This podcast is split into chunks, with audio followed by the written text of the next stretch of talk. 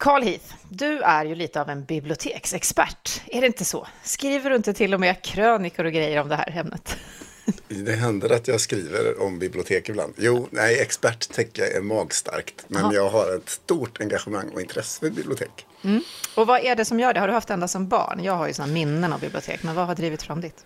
Ja, jo, jag har väl sådana minnen. Men framförallt så handlar det nog mer för mig om Alltså mitt största liksom, möte med biblioteket var faktiskt universitetsbiblioteket av alla bibliotek.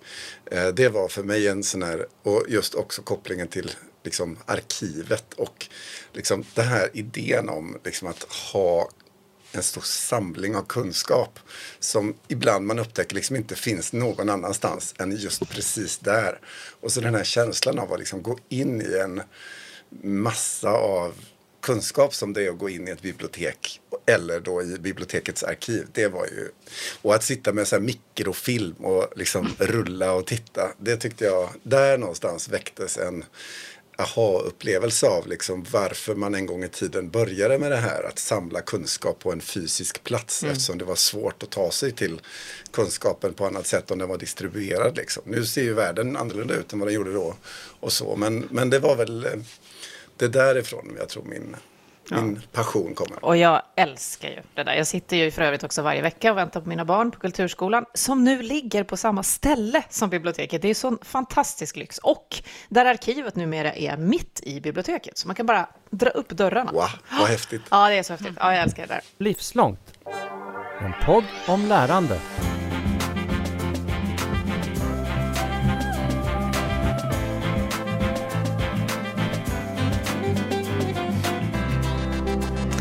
Då, vi har ju pratat om bibliotekens roll förut här i Livslångt, du och jag Karl, och eh, om deras roll idag och hur den har utvecklats och hur det hör ihop med lärande. Så då ska vi köra på och säga välkommen till mig och Carl Heath. Jag heter Katarina Pietschak, veckans gäst Karin Grönvall. Hej! Hej! Vi ska prata bibliotek och vad passar bättre än att då ha med oss en riksbibliotekarie på Kungliga biblioteket. Men ska vi börja lite då med vem du är, att vara det som din titel säger då, vad innebär det för den som inte helt vet? Ja, men att vara riksbibliotekarie är, är helt enkelt att vara chef för Kungliga biblioteket. Och Kungliga biblioteket skulle ju lika väl kunna heta Riksbiblioteket. Det är ju vårt nationalbibliotek. Eh, så. Och det är, Kungliga biblioteket är en myndighet och då är jag myndighetschef och då har jag då glädjen att få den här fantastiskt fina titeln på köpet. Mm. Och när du berättar mer om dig själv för någon, när du har berättat klart den här titeln och vad en myndighetschef gör, vad säger du då? Vem är du? Eh, jag är nog lite workaholic så. Jag gillar att jobba och jag gillar mitt uppdrag väldigt, väldigt mycket. Jag tycker att det är ett fantastiskt uppdrag. Det handlar ju om demokrati, det handlar om tillgång till kunskap, det handlar om att skapa förutsättningar för bildning. Det handlar om just alla ska ha möjlighet till lärande och bildning. Så det är väl liksom den, ska säga, jobbdelen så där ju också chefsdelen är en stor del ska jag säga. Vi är ju myndighet på 350 personer så min vardag är ju väldigt mycket ledarskap, organisation, samtal, dialog och möten naturligtvis så. Mm. Och vad har drivit dig till den här, vi pratade lite om mina och Karls, både vad som fanns med oss ända sedan, sedan början och så, vad har drivit dig in i, i det här? Ja, jag tror att jag har lite klassisk bakgrund där och har ja, men, pluggade kulturvetenskap och litteraturvetenskap och franska humanistiska ämnen drevs väldigt starkt åt det hållet. Kommer från en supernaturvetenskaplig familj. Så det var liksom lite ett brott för mig. Ah. Men jag ser att jag har haft jättemycket nytta av att ha det här naturvetenskapliga tänket med mig. Strukturer och bilder och, och så vidare. Så det har varit en bra bakgrund. Och, och sen eh, hamnade jag nog lite som Karl, att jag började liksom använda biblioteken och ville förstå mer och mer. Och då hamnade jag här till slut för att verkligen förstå. Så, så långt gick det för mig då, mm. ungefär. Mm. Ja, vi hade ju nyligen ett eh, poddavsnitt här med en professor i musik som ju pratade om att en gång i tiden hörde ju allt det där ihop, naturvetenskapen och kulturen och musiken. Eller hur, mm. det, det, är ju faktiskt så. Det var en annan typ, vetenskapen såg på ett helt annat sätt. Jag kan också säga att den första riksbibliotekarien var också riksarkivarie och riksantikvarie, så att även där har vi liksom saker och ting hört ihop på ett annat sätt. Mm. Brukar ju fråga här också eh, vad då livslångt lärande innebär för just dig. Vad tänker du när du tänker på livslångt lärande, också kopplat till förstås då din och er roll? Mm, då det är ju så självklart, det är som lite slå, upp, slå in öppna dörrar. Biblioteken underlättar, ger förutsättningar för livslångt lärande. Jag ska säga att det, det är därför vi finns, eh, för, att, för det livslånga lärandet och för allas möjlighet till livslångt lärande.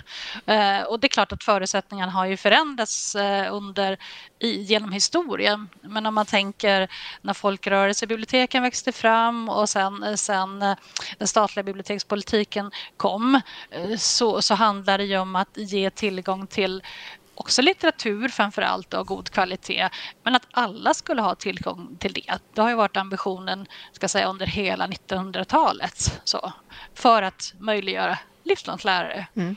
Jag tänkte just på när du sa det där om både att du gillar att jobba och demokratifrågor, så här, du är verkligen bland eh, vänner, mednördar här i det här rummet. Ja. Men eh, Karl, jag vet att du som ju då har jobbat med de här frågorna väldigt mycket och också var en av de som visade mig något eh, bibliotek i början i Göteborg som eh, inte hade några böcker. Vad tänker du om den här rollens ut, alltså utvecklingen av bibliotekens roll i samhället? Hur har du följt den? Men jag tänker att en av de sakerna som, som ju verkligen har förändrats över de sista 30 åren någonstans. Det handlar ju om eh, bibliotekets position i kunskapssamhället och hur rollen av biblioteket har kommit att förändras. För någonstans så formades ju biblioteken som liksom kunskapens fyrtorn i ett land där det var svårt att få tillgång till boken och historien och så vidare. Mm. Men internet eh, har ju gjort det möjligt att få tillgång till information eh, av allehanda slag alldeles oavsett var man är geografiskt. Och det har ju gjort att rollen som så att säga, informationsbärare har kommit att förändras. Eh, och det har ju också förändrat tror jag, bibliotekens roll på hur man idag ser på sig själv som en kunskapsmiljö. För det är två ganska olika saker. Att vara den som kan så säga, förvalta och orkestrera kunskap och att hjälpa till, peka ut, finnas eh, och så vidare det är ju en, det är en slags kunskap i sig självt som man som medborgare inte nödvändigtvis har med sig eh, när man öppnar sin browser och, och ska ut på nätet så att säga. Kurator så det finns som liksom man säger en, på museer. Mm. Ja, det har liksom hänt någonting där. Va? Eh, och det, där tror jag bibliotekens roll har kommit att förändras. Men det betyder inte att den inte är viktig, tvärtom. Jag tror att den är nästan kanske viktigare i en tid där det finns obegränsad med information. Eh, att vara den där platsen till vilket du kan omsätta information till kunskap på något sätt. Som är tillgänglig för alla. Så hur skulle du beskriva att ni har tagit er an den, den rollen, den utvecklade rollen, Karin? Ja, dels ska jag säga, jag tror att biblioteken faktiskt typ alltid haft en bredare roll fast man kanske tänkt på det mer som just det här rummet med böcker, att man går dit och lånar. Men om man ser hur folk beter sig, vad man verkligen gör i ett bibliotek så har det en mycket betydligt bredare roll. Och det så tror jag är den här liksom ganska fysiska manifestationen av kunskap som är viktig. Och det kan vara genom böckerna, genom materialet man använder, men också atmosfären. Mm. Och det, vi jobbade mycket på det när jag var på Södertörns högskola, gjorde liksom studier och iakttagelser, intervjuer så med studenterna som ju en del satt liksom sådär sju, åtta timmar per dag i biblioteket. Att de var ju supertydliga med att nej men det här är en plats där jag kan plugga. Det här jag känner kunskapen. Jag vill inte sitta på stan eller sitta hemma utan jag vill sitta här. Jag vill sitta bland andra. Jag är ensam men sitter ändå bland andra personer. Jag känner liksom ett, på ett sätt allvar men ändå liksom är ganska lugn och känner mig ganska avslappnad tillfreds i den här miljön. Så det är en väldigt tydlig fysisk manifestation som jag tror samspelar med det digitala. Det är liksom inte antingen eller. Det, just det där sista du säger får mig att tänka på, eftersom jag då hänger på bibliotek mm. alla veckorna, att, ja, att också eh, klimatet där inne har förändrats. Alltså när jag var liten mm. var det ju ändå ganska mycket så här, sh, sh, och, mm. märks inte, utan det är böckerna som talar. Så. Mm. Och idag är det ju lite annorlunda, märker jag. Mm. Och då sitter jag ju då på ett kulturkvarter där man också hör massa musik och så hela tiden. Mm. Men det har ju ändå utvecklats också, det du beskriver nu, hur är vi tillsammans i den här... Jag var tvungen att skriva upp den fysiska manifestationen av kunskap, väldigt fint. Nej, men, och då tänker jag att, att biblioteken är ju del av samhället och det är precis när skolan förändras att skolan är en del av samhället och de, då, då blir det ju självklart så att, att eh, biblioteken är öppna för alla, fler som kommer till biblioteken, man vill göra andra saker. Det gäller det ju för oss som är i professionen hitta, differentiera, vad kan, kan man hitta olika delar, väldigt praktiskt dista biblioteken när man kan göra olika saker, olika tider. Hur, hur kan man jobba med de här, frå med de här frågorna?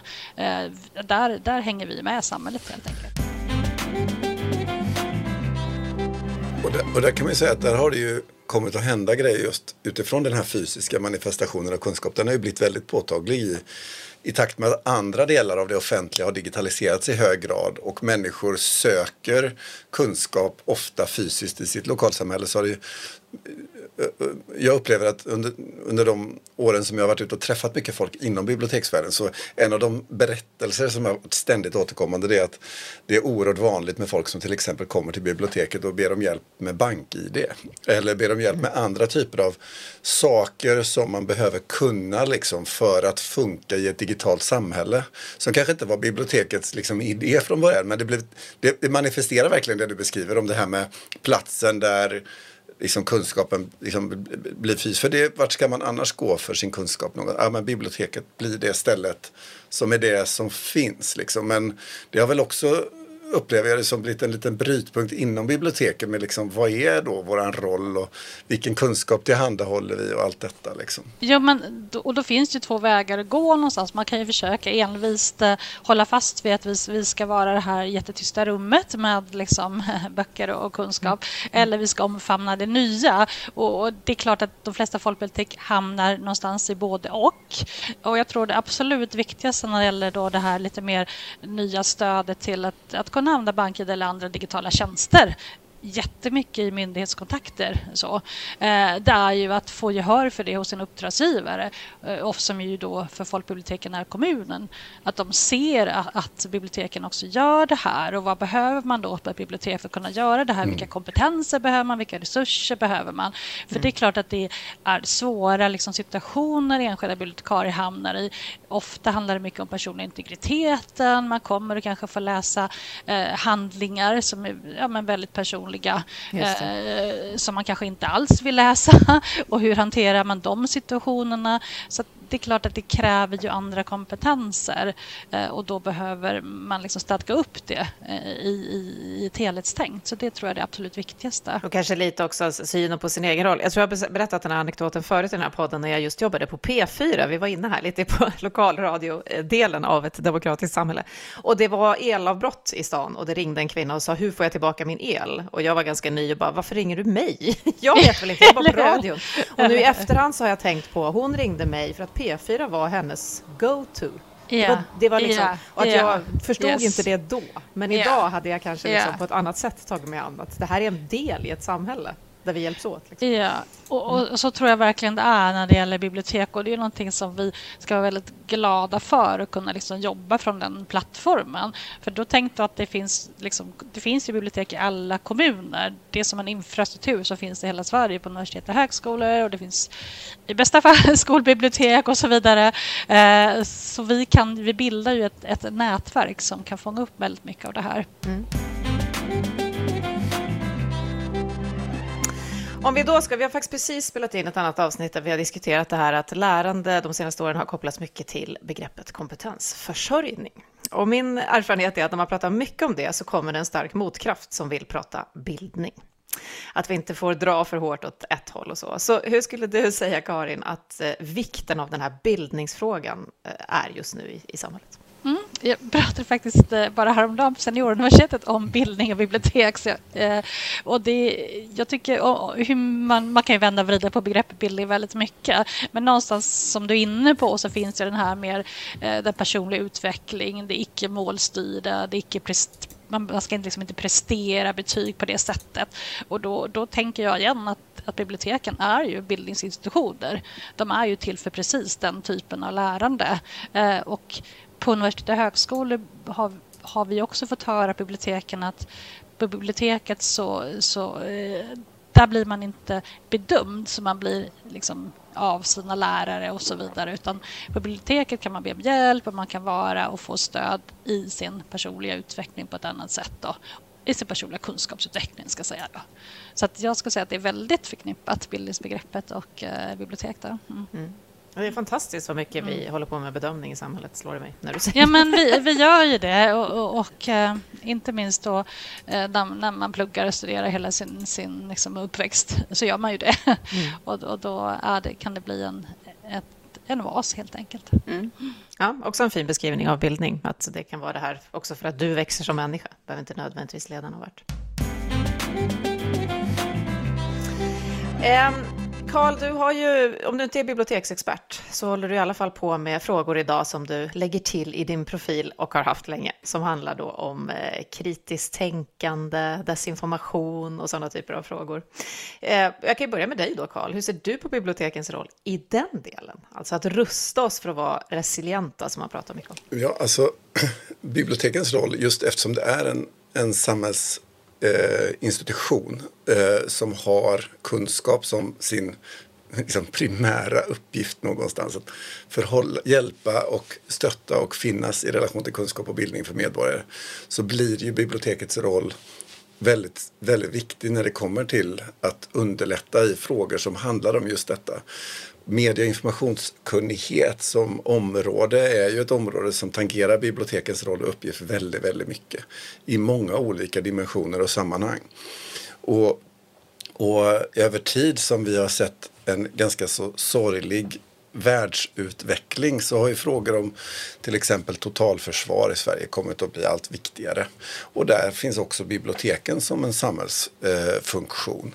Eh, att kunna Eh, bygga ett demokratiskt samhälle, det handlar ju om att kunna vara, vara, ha olika åsikter men för att kunna göra det behöver vi också vara överens om den fakta som finns.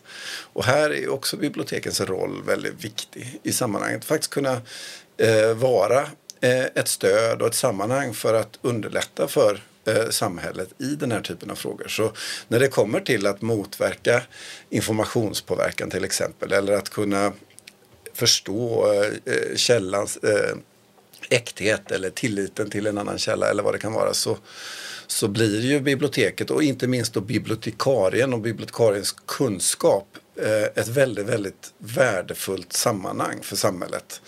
Eh, som blir en naturlig del för att öka samhällets motståndskraft och, och på så vis också bidra i ett större sammanhang. Så jag, för mig så hänger de här frågorna väldigt mycket ihop. Jag gissar att du delar det Karin, så hur tar ni er an det här lilla området? Ja, men eller hur? Och när du kom in på det här med totalförsvaret och krissituationer så är det någonting som vi inom sektorn nu diskuterar väldigt flitigt så är det ju hela samhället att de frågorna har kommit på agendan. Eh, så. Eh, och då är det ju dels det här att biblioteken eh, är, eh, kan stå för norm, normalisering av tillvaron. Igen, att det blir en oas man kan, kan, kan vända sig till. Så det är ju en del. Och sen när det gäller den här som säger eh, kritiskt granskande och, och, och koll på kunskap och så vidare så är det ju också någonting som bibliotek alltid jobbat med jag ska säga att det ser ganska olika ut. Om man jobbar på skolbibliotek är det självklart man jobbar väldigt nära lärarna och tillsammans med dem. Samma på de högskolor och universitet jag varit så är det liksom ett gemensamt ansvarstagande ska säga, för, för liksom studenternas eh, ja, ja, man ska välja källor och man ska kritiskt granska källor och man ska kunna referera allting. Det blir liksom väldigt integrerat. Sen ska jag säga att folkbiblioteken är det inte lika självklart när man utövar det här.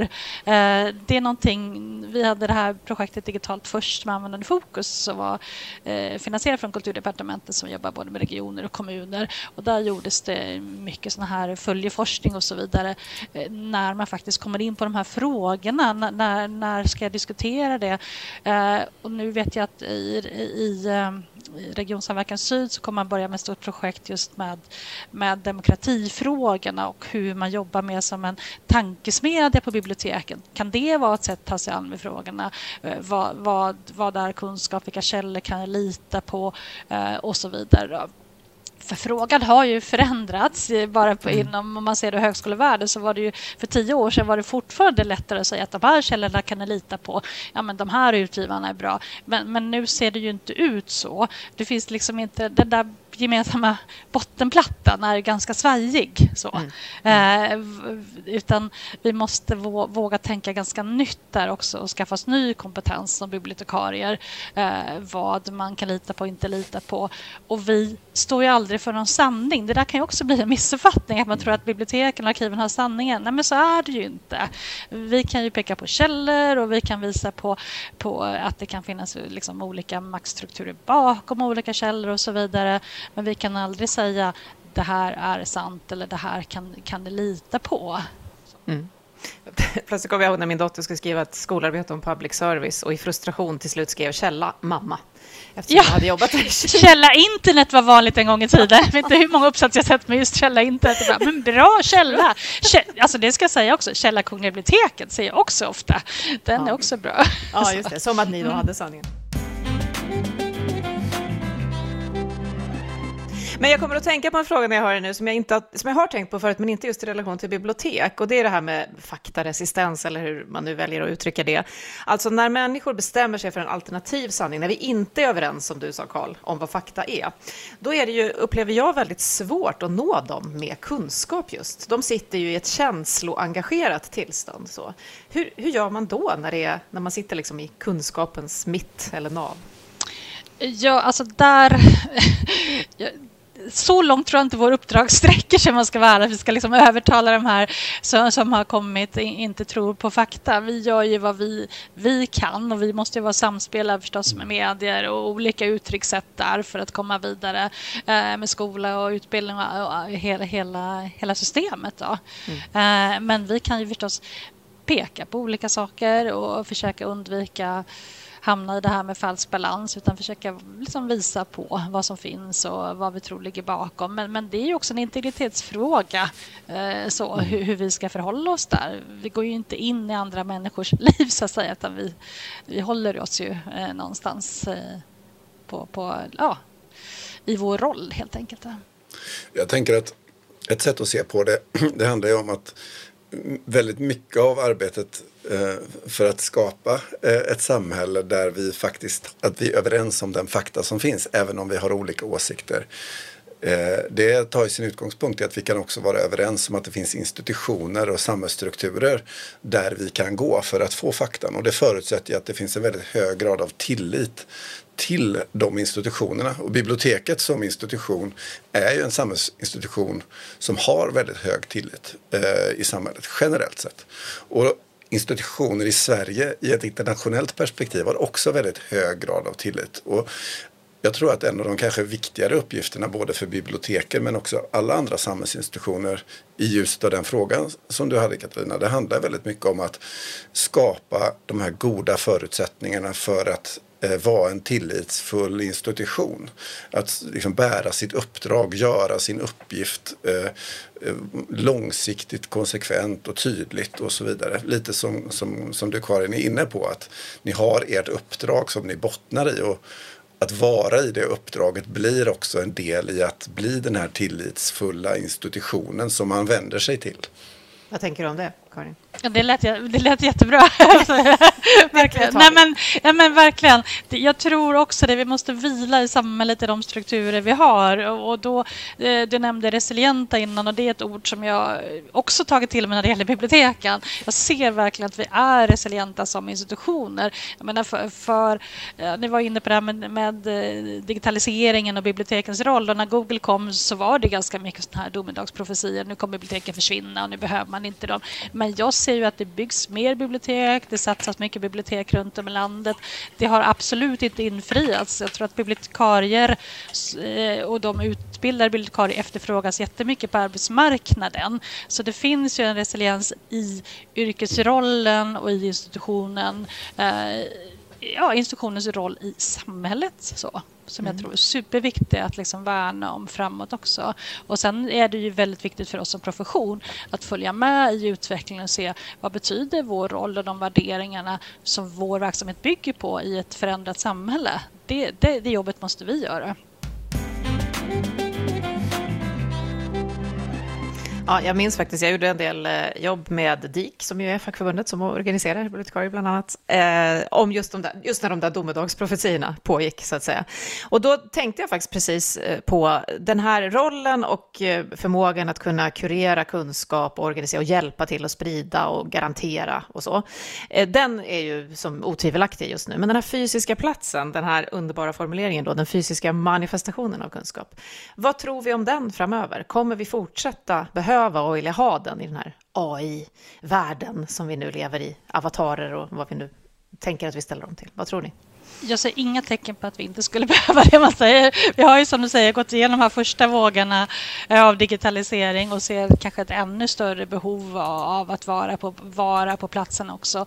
För att det är ju ett samspel naturligtvis mellan digitala uttryck och, liksom, och fysiska uttryck. Och att, liksom, ja, men att ses tillsammans varandra. Och det, det som jag brukar prata om just i den här biblioteken, vad biblioteken bygger på, varför vi vi är relevanta, fortsätter kommer vara det, så tror jag mer att det handlar om våra grundvärderingar. Kunskap är ju liksom själva basen. Men sen också den här öppenheten, eh, inkluderingen och inte minst eh, eh, integriteten, att den är superviktig. Vi har ju i bibliotekslagen, eh, eller inte bibliotekslagen utan i lagen om offentlighet eh, och sekretess, att eh, vi lämnar inte ut vad någon enskild person har lånat. Det får vi inte göra utan det ska finnas möjlighet att ha integriteten när man kommer till biblioteket. Då. Och där ser vi ju en enorm skillnad mot det digitala eh, samhället så att säga. Och, så det är ju de här värderingarna som jag tänker är det viktiga att vi kan fortsätta bära in i både det digitala och det fysiska.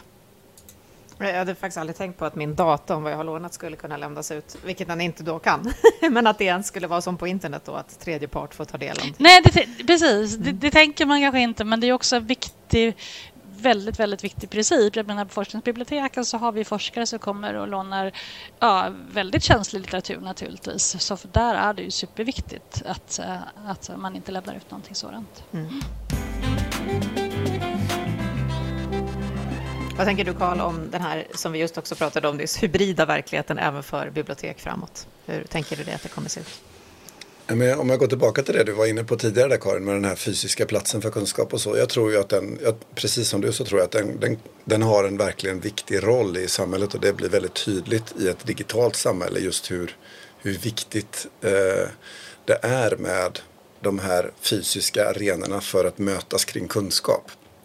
Eh, vi är än så länge liksom inte själva gjorda av ettor och nollor utan av, än så länge. utan av celler. Nej, vad säger du nu? Och, och, och, och, ända tills det händer, om det händer, så, så tror jag att det fysiska spelar en väldigt, väldigt stor roll för oss. Och, så, så jag, men, men med det sagt så tror jag också samtidigt att bibliotekens roll i den digitala miljön eh, behöver eh, kanske ta ett ännu större spjärn mot liksom vår samtid. Vi har ju, går man tillbaka tio år eh, så, så hände det någonting där 2009, 10, 11 när eh, de stora digitala plattformarna tog ett allt större eh, makt över den digitala offentligheten. Och här tror jag Eh, vi under det senaste decenniet kommit att se att nej, men det där var nog inte helt rätt eh, väg att gå. Det var inte den balans i samhället vi behöver utan vi behöver hitta sätt att porträttera och gestalta vad ett digitalt offentligt rum skulle kunna vara där samhället har ett större ansvar för det och även civilsamhället. Och där finns det ju, där händer det mycket just nu inom det här området. Mycket tankar och idéer som, som väcks och stöts och blöts. Så jag tror att i den diskussionen tror jag att bibliotekets digitala roll eh, är väldigt naturlig eh, och viktig att se och fundera kring. Så det du säger, eller bara delvis bara så att du får konkretisera, du ska få säga, kommentera det strax Karin, det är att, att man går till en digital plats för att prata med varandra skulle kanske samhället gynnas mer av vad biblioteket än Facebook? Eller? Ja, alltså gör vi en jämförelse med den fysiska världen så har vi haft olika typer av fysiska mötesplatser. Vi har biblioteket, vi har parken, vi har torget, vi har köpcentrumet. Mm. Men sen 10-15 år tillbaka i det digitala universumet så har vi valt att alla samlas på digitala köpcentrum fastän de eh, arenorna inte kanske var designade för det vi använder dem till i, i första hand. Va? Och här tror jag vi behöver se en större mångfald av uttryck i det digitala där vi kan liksom mötas kring en biblioteksupplevelse på ett bättre sätt utan att nödvändigtvis behöva hänga på ett köpcentrum digitalt, alltså som en plattform. Mm. Ja, vad tänkte du säga Karin? Nej, men jag vill säga att, att jag håller med honom eh, helt och hållet och att det också tror jag börjar hända. Och där har blir ju vi som bibliotek, vi, ja, men från det här att nu tar Google över inga bibliotek och så såg vi wow, vi kan vara där människor är. Och det var ju utgångspunkten för kanske 10-15 år sedan. Och då ska vi vara på alla sociala plattformar, vi ska möta människor där de är. Vi hamnar ju i den liksom eufori nästan av webb 2.0 och demokratins genombrott och nu kan vi verkligen ha en dialog. Eh, och det, det vi, vi har ju alla vaknat upp de senaste kanske fem åren och sett liksom baksidorna, baksidorna och sett liksom inte minst integritetsfrågan. Den blir väsensskild från vad vi vill göra. Eh, så det är ett uppvaknande eh, och, det är ju Ja, jag tror att vi, vi famlar lite. För dels handlar det om där, var vill människor vara? Hur skapar vi miljö som är attraktiv, helt krast? Och dels så handlar det förstås om hela det, det legala. Liksom, eh, vi har ju i i det fysiska så har vi ju ett frirum skulle jag säga. Man får lov att låna ut böcker utan avgift. Man får lov att göra massa saker som vi kommit överens om eh, av hävd. Så, våra förutsättningar som bibliotek. Men i det digitala så finns ingenting av det. Utan mm. vi är ute på samma marknad som alla andra. Vi måste skriva avtal, vi måste liksom förhandla med upphovsrättsinnehavare. Vi måste bygga någonting i den här eh, kommersiella världen som det handlar om. Och, och det, det ja, med tanke på den långa utvecklingen av bibliotek som koncept så görs inte det på en eftermiddag. Utan vi måste hitta vägar fram och vi måste också hitta bundsförvanter tänker jag och jobba tillsammans med det här.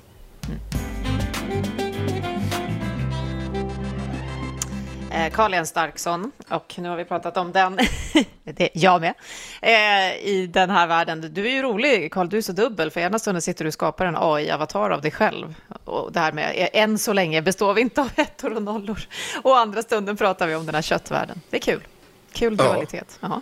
Nej, men man får väl ha kakan och äta den, tänker jag. Det är väl det det är väl det bästa sättet att jobba. Och det känner jag, jag vill ändå passa på att lägga till, liksom, för att tala om AI-världen och skapa avatarer och så vidare. Vad bygger man alla de här, eh, de här liksom världarna på? Jo, man bygger dem på vårt kulturarv. Det är lite eh, mm. så viktigt att flika in. Det kommer du tänker att de här språkmodellerna som vi pratar så mycket ja, om nu med ChatGPT och sånt, ja. de bygger på en stor mängd data som i praktiken är alla våra samtal i samhället som finns arkiverade i alla våra olika upptänkliga sammanhang och så. Det som vi kallar kulturarv. Ja, precis. Ja, nej, men det är spännande. Det är ett roligt perspektiv på mm. de stora språkmodellerna och viktigt tror jag också. Mycket viktigt. Jag tänkte säga det när vi pratar om en massa annat. Är det någonting Karin du vill lägga till eh, nu när du har chansen för att verkligen då förespråka bibliotekens roll även framåt i det här livslånga lärandet och bildningen? Det är ju att jag tycker att vi har en sån självklar eh, roll som institutioner i, i samhället och att, att vi värnar men också utvecklar den rollen. Det tycker jag är viktigt, eh, både för oss som profession men också att, att eh, samhället som stort ser det. Mm. Mm. Ja, det känns inte som att du behöver sälja in det, i alla fall inte här. Eh, Nej, vad skönt. skönt.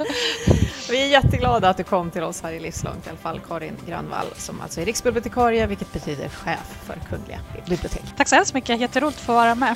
Ja, jätteroligt. Hej då. Hej då. Du har just hört Livslångt, en podd från RISE om allt det där man lär sig i livet. Vi hörs om en vecka igen.